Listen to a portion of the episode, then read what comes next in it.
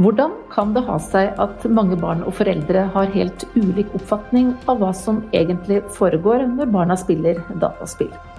Anerkjennes dataspill som hobby på linje med korps og fotball, eller er det noe mange foreldre er bekymret for? Og hva er de beste rådene for å få til en god spillsamtale med barna? Dataspill er tema i dagens utgave av Den norske mediepodden.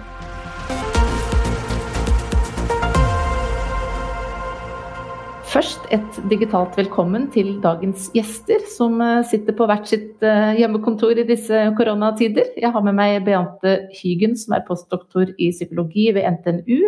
Andreas Storås Barsnes i e-sportorganisasjonen King og Hill. Og Beate Woie, som jobber med dataspill hos oss i Medietilsynet. Og temaet i dag er altså dataspill på godt og vondt. Vi vet fra Medietilsynets store barn- og medieundersøkelse at nesten ni av ti 9-18-åringer spiller dataspill. Så gaming er utvilsomt noe som foregår i de aller fleste hjem der det er barn.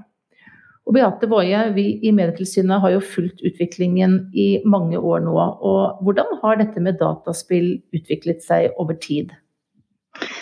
Det vi ser er at uh, andelen barn som spiller har jo bare økt uh, år for år. Uh, det siste vi har er jo bare de to siste årene, fra 2018 til 2020, hvor det i 2018 var 63% jenter som spilte, kontra 76% jenter nå i 2020. Guttene har holdt seg veldig stabilt de siste årene. De ligger på godt over 90% av alle 9-18-åringer som spiller. Så det er i hvert fall utvilsomt eh, slik at eh, de aller fleste barn og unge de eh, spiller en eller annen form for dataspill. Det er helt tydelig. Det kan virke som at dataspill er den fritidsaktiviteten som er mest utbredt blant alle barn, og vi pleier å si at nesten alle barn spiller dataspill. Du nevnte dette med kjønnsforskjeller, og det skal vi komme tilbake igjen til om litt. Men jeg har først lyst til å gå til deg, Beate Hyggen. Du er jo forsker ved NTNU. Eh, og nå er det vel ingen som har forsket ennå på hvordan koronapandemien har virket inn på dette med dataspill. Men jeg vil vel tro at eh, det sannsynligvis ikke har blitt mindre gaming i en tid med såpass begrenset eh, sosial aktivitet som det vi har hatt dette siste året. Hva tror du om utviklingen nå under pandemisituasjonen?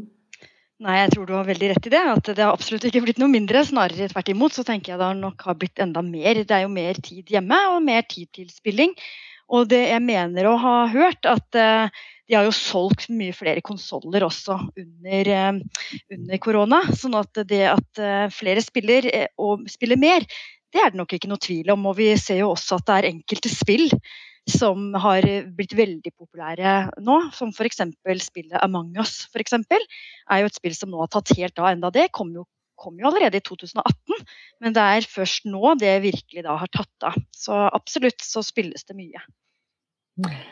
Andreas eh, Storås eh, Barsnes, du eh, har vært medgründer i e-sportorganisasjonen King og Hill, og har også startet et e-sportsenter for barn og unge i Kongsberg. Og har dere merket økt interesse for spilling nå under koronapandemien?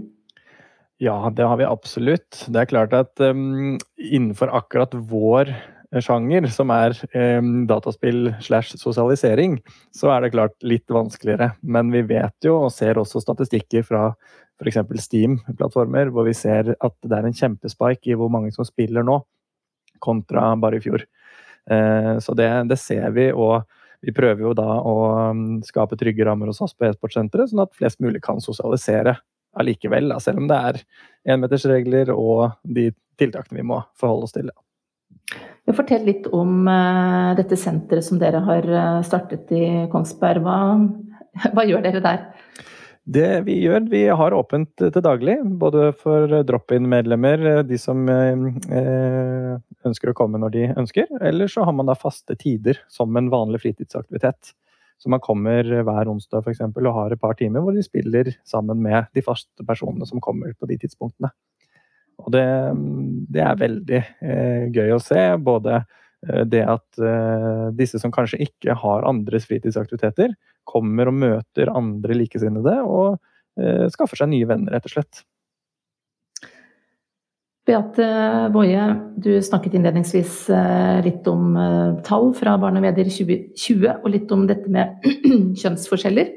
Eh, og vi ser jo, som du nevnte, at dataspill fortsatt er betydelig mer utbredt blant gutter enn jenter, selv om jentene har halt innpå de siste årene. Fortell litt mer om disse kjønnsforskjellene som vi ser. Eh, ja, det vi jo har eh, lurt på er jo hvorfor jentene slutter å spille på et eller annet tidspunkt. Og mm, det har jo tidligere snakket vi om at eh, det er fordi jenter modnes på en annen måte enn gutter og går opp til sosiale medier når de kommer opp i tweens-alderen. Eh, det har også vært spekulert i om det har vært pga. tilbud av spill. At eh, spillene er mer tilrettelagt for gutter, det er færre jentekarakterer å spille og slike ting. Og også at jenter har blitt utsatt for mer trakassering og ufin oppførsel. Eh, så det er jo gledelig å se at andelen jenter øker med at de fortsetter å spille lenger. For det kan bety positive ting på alle punkter. Mindre trakassering, flere andre jenter å spille med og flere spill som de identifiserer seg med og syns er interessante å spille. Så det er positivt. Andreas, merker dere noen forskjeller på gutter og jenter eh, hos dere når det gjelder dataspill? Det gjør vi helt klart. Og um, man kan jo også eh, se på de landene vi har gjennomført hvor vi hadde over 200 deltakere, men derav bare fire jenter.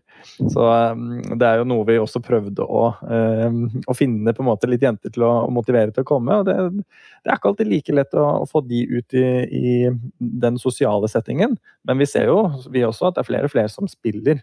Um, men det er, handler om å skape trygge rammer, tror vi.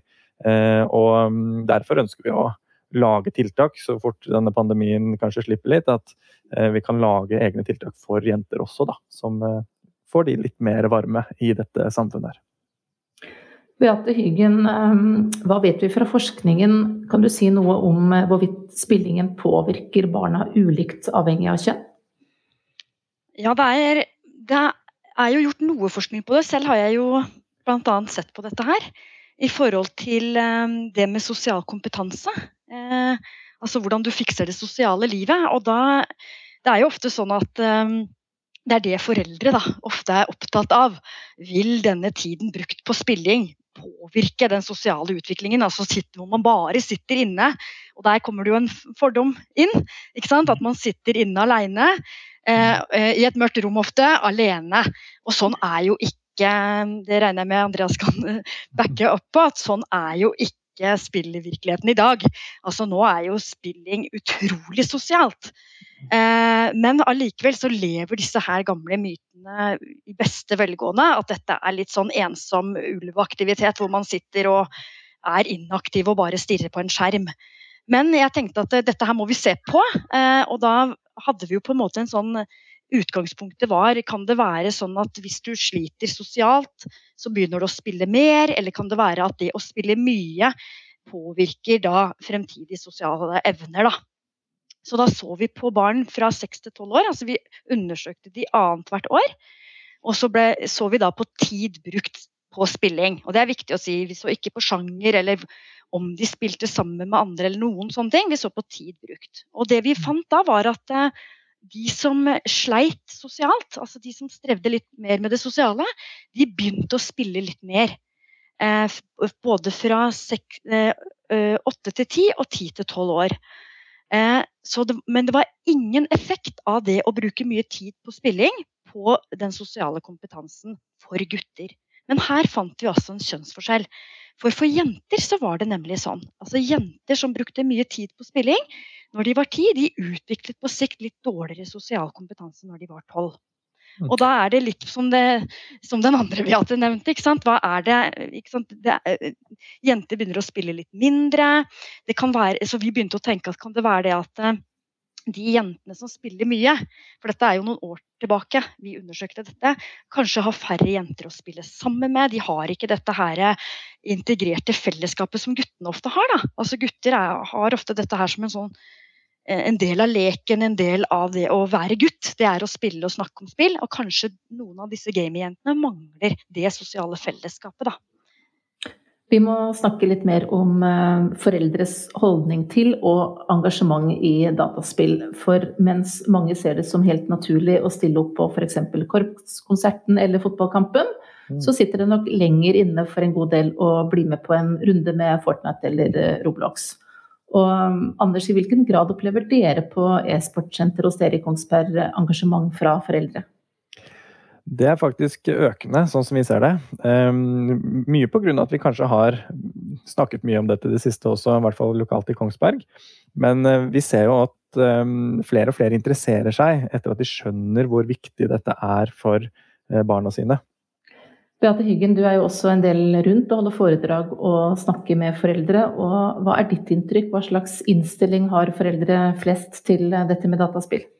Ja, det, det, jeg må innrømme at det har skjedd mye på de siste to årene. Fra, fra, jeg begynte å holde foredrag om gaming, så kunne jeg i starten oppleve veldig mye frykt, veldig mange fordommer, negative holdninger. Så har det skjedd noe, særlig etter den eh, historien med Mats. Mm. Da skjedde det en vending. Altså det, det, var en helt annet for meg å reise rundt da, eh, hvor folk så verdien i dette her.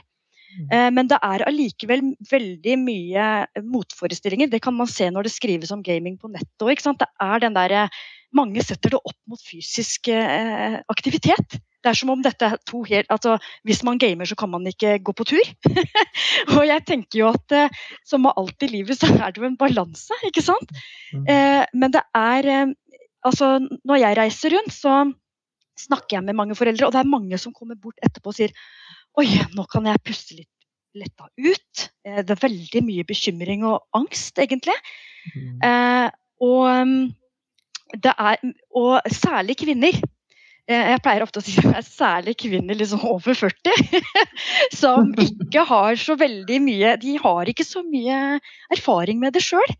Og det er jo sånn med oss mennesker at det vi ikke kjenner til, det frykter vi vi er jo veldig ute hvis vi kan skryte av barnas ferdigheter med fotball og håndball, men jeg har aldri, aldri hørt en forelder komme på jobben og sagt vet du hva, I går så bygde datteren min et palass i Minecraft. Eller vant en Fifa-turnering. Eller eh, tok ut eh, tre lag i ja, altså Skjønner du hva jeg mener? Jeg har ikke hørt at folk har skrytt om gamingferdigheter noen gang. Og jeg tror faktisk det er litt sånn jeg vet ikke om dere er enige, men jeg tror faktisk det er litt skam knytta til dette her ennå. Hos foreldregenerasjonen. Så er det vel slik at uh, mange foreldre er bekymret, som vi har vært inne på. ikke sant? Man kan være redd for overspilling, for avhengighet, for at spillingen skal ha negativ påvirkning på barnas sosiale ferdigheter. Um, kan du berolige her, Beate Hyggen, eller uh, hva sier forskningen om uh, eventuelle negative konsekvenser av spilling? Et veldig viktig poeng her at det handler ikke om tid brukt på spilling. Det, det, er veldig mange foreldre som sier ja, mitt barn er helt avhengig, spiller hele tida. Men det er, ikke, altså det er ett kriterium av veldig mange. For å få eh, oppfylt eh, en diagnose så må man ha over fem kriterier av ni. Eh, og det handler om når man begynner å få vanskeligheter med spill, det er når det begynner å gå utover ditt liv. Altså Det har en negativ påvirkning på livet ditt. Altså at Det tar over hele livet ditt. Du kanskje ikke går på du, du, du sover altså du, du, kutter ut tidligere aktiviteter, du bare tenker på fremtidig spilling. altså Du hele tida må mer. Altså det, er, det er noe negativt for deg som menneske.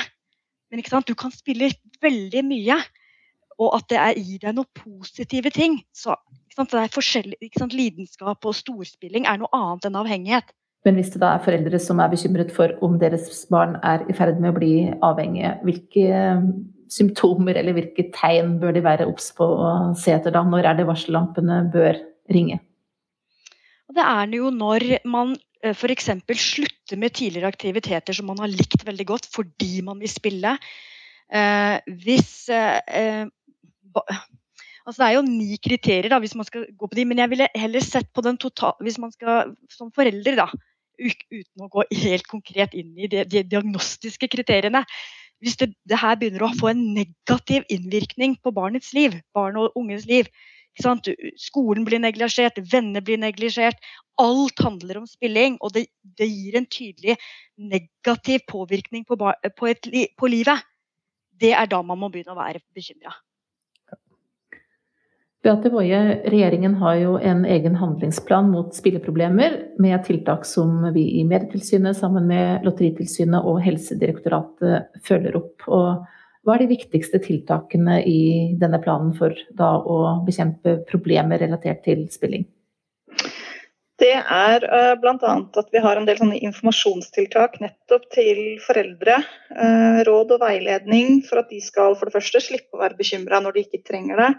Eh, men også vite hvor de skal henvende seg eh, dersom de ser denne ubalansen i livet til barnet sitt, eh, hvor alt dreier seg om spillingen at det blir tvangsmessig og alt annet ryker.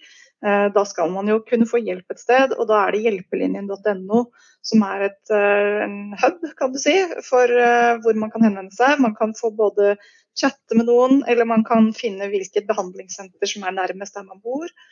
Uh, og du kan også ta selvtest da, på, på, disse sidene, som kan gi en indikasjon på om barnet har alvorlige problemer eller ikke. Hva er ditt beste råd til eh, foreldre dersom de er redde for at barna deres spiller for mye? Det er nettopp å se på den balansen. Hvis barnet ditt går på skolen, eh, kommer ned til middag eller i hvert fall har en interaksjon med familien på jevnlig basis, ikke murer seg inne, har noen venner også offline, Eh, eller at du i hvert fall merker at eh, barnet er sosialt online, hvis de fleste vennene er det, og det er det jo akkurat nå. Eh, og ja, hvis man merker at ting går greit, ting er i balanse, så trenger man ikke å være bekymret for om han spilte to timer eller fire timer i går. Hvis lekser er gjort og han dro på trening på fredag. Eh, men det er det der med at alt skal plutselig dreie seg om trening, nei, stilling, så, så, er det greit å ta en fot i bakken og prate litt med barnet og be om hjelp fra profesjonelle hvis man eh, ikke når igjennom. Andreas? Ja, dette er jo noe som vi også eh, fokuserer veldig på på de eh, spillerne som vi kontraktsfester. Fordi det er jo klart at de er jo veldig engasjerte og er Eh, blir kanskje enda mer engasjerte når de får muligheten til å bli signert. Men da har vi som oftest dialoger med foreldrene og forklarer viktigheten i denne balansen. Og da setter vi alltid kriteriet om at både skole eller jobb og fritidsaktiviteter skal gå før gamingen. Og hvis det går utover dette, så må de ha dialog med oss. Eh, og hvis de føler, og hvis barnet eller eh, den spilleren som vi har signert, bruker det som argument at ja, men nå må jeg gi mer der og der, så, så er ikke det riktig. Det er ikke et krav fra vår side. fordi vi, vi er jo da eh, Vi signerer jo kanskje barn, ikke sant, med, hvor vi rådfører oss med foreldrene, selvfølgelig. Og da er det viktig at man får den balansen og ikke blir avhengig, rett og slett. I Medietilsynets undersøkelser spør vi jo både barna selv og foreldrene om en del av de samme tingene. F.eks. Eh, dette med om barna spiller spill med høye aldersgrenser, og hvorvidt de bruker penger i spill. Og Beate Boje, da ser vi jo at eh, barn og foreldre ikke alltid er helt på samme planet. Fortell litt om hva tallene våre viser på dette området. Ja, I årets undersøkelse så ser vi jo at halvparten av 9-17-åringene eh, sier de har spilt eh, dataspill med 18-årsgrense. Eh, og til sammenligning så sier nesten 8 av 10 foreldre at barna deres ikke har spilt spill med 18-årsgrense. Så der er det et ganske stort gap mellom hva foreldrene tror de vet, og hva barna sier de gjør. Og når det gjelder penger, så kjøper nok også barna mer enn det foreldrene tror. fordi 9% av foreldrene oppgir at barna har kjøpt ting i spill uh, hvor det var en overraskelse, altså en slags forundringspakke eller en lootbox uh, uh, som barnet fikk. Mens 28 av 9-18-åringene sier at de har gjort dette. Anders og Beate, hva tenker dere om disse forskjellene når det gjelder hva barna gjør og hva foreldrene tror at de gjør? Beate først. Ja, altså jeg, For meg så er det bare en bekreftelse på at dette er en arena for foreldre ikke er kobla på. Vi vet for lite, og det viser det, viser det så tydelig altså at de ikke er på denne arenaen. og det, Så det bekrefter på en måte mistanken at her eh, er dette er en verden og mange foreldre ikke forholder seg til, rett og slett. Og jeg hører det ofte. Nei, jeg er ikke interessert i gaming. Det får de ha for seg sjøl. Ikke sant? Mens på fotball og håndball så putter vi bilen fram og kjører på cup, og vi står ute i skyløypa og fryser oss for derva. Men spillingen skal de ha for seg sjøl. Så jeg syns dette bare er et veldig bekreftelse på at dette er en arena som foreldre har nødt til å koble seg mer på. Fordi at det at så mange niåringer, som deres rapport viser, spiller 18-årsgrense, det er ganske skremmende, altså. Fordi at 18-årsspill, det er ganske heavy greier. Det er sterke synsinntrykk. Det kan være vanskelige moralske dilemmaer de skal forholde seg til i enkelte spill. Og rett og slett være, kan være veldig skremmende og skummelt for en niåring å se på. Andreas, hva tenker du om disse tallene? Ja, Det, jo, det viser seg jo det. Det er, det er helt riktig at uh, foreldre må engasjere seg mer. Uh, og skjønne at dette er uh, Det kan både gå utover altså, Som dere sier, hvis niåringer spiller 18-årsspill, så det er ikke bra. og Det er jo noe vi også legger til rette for i turneringer og ting vi, vi arrangerer. Så, så har ikke de lov til å delta med mindre de er over den aldersgrensen som er anbefalt. Eh, det er klart, Vi kan ikke styre alltid hva man spiller hjemme eller når man kommer på et LAN, for da, da måtte vi på en måte passet på hvert enkelt, eh, hver enkelt dataskjerm. Men eh, vi tillater ikke at noen deltar på dette her.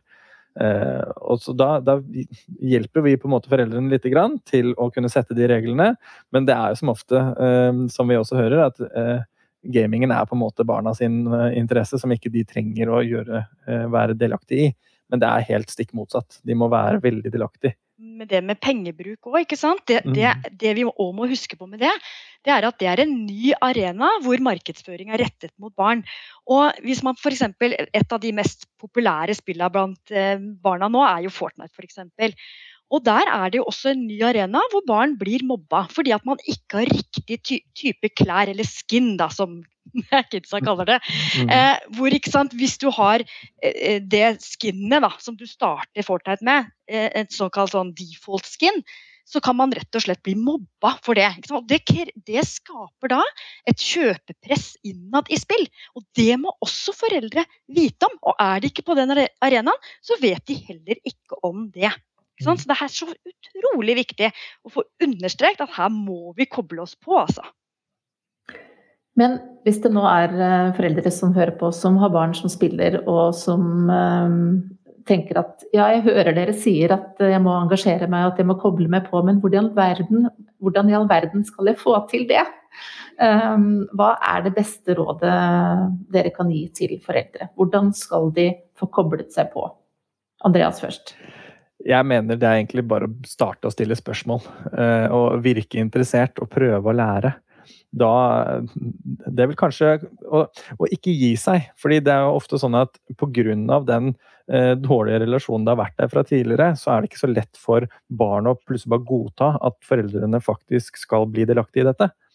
Eh, Nei, for det å gå fra å kjefte fordi at du bruker for mye tid på spill, til plutselig å bli veldig interessert, det kan kanskje være litt vanskelig å ta ja, på alvor også? Det går ikke på den måten der, så man må jo ta det sakte, men sikkert, og vise mer og mer interesse.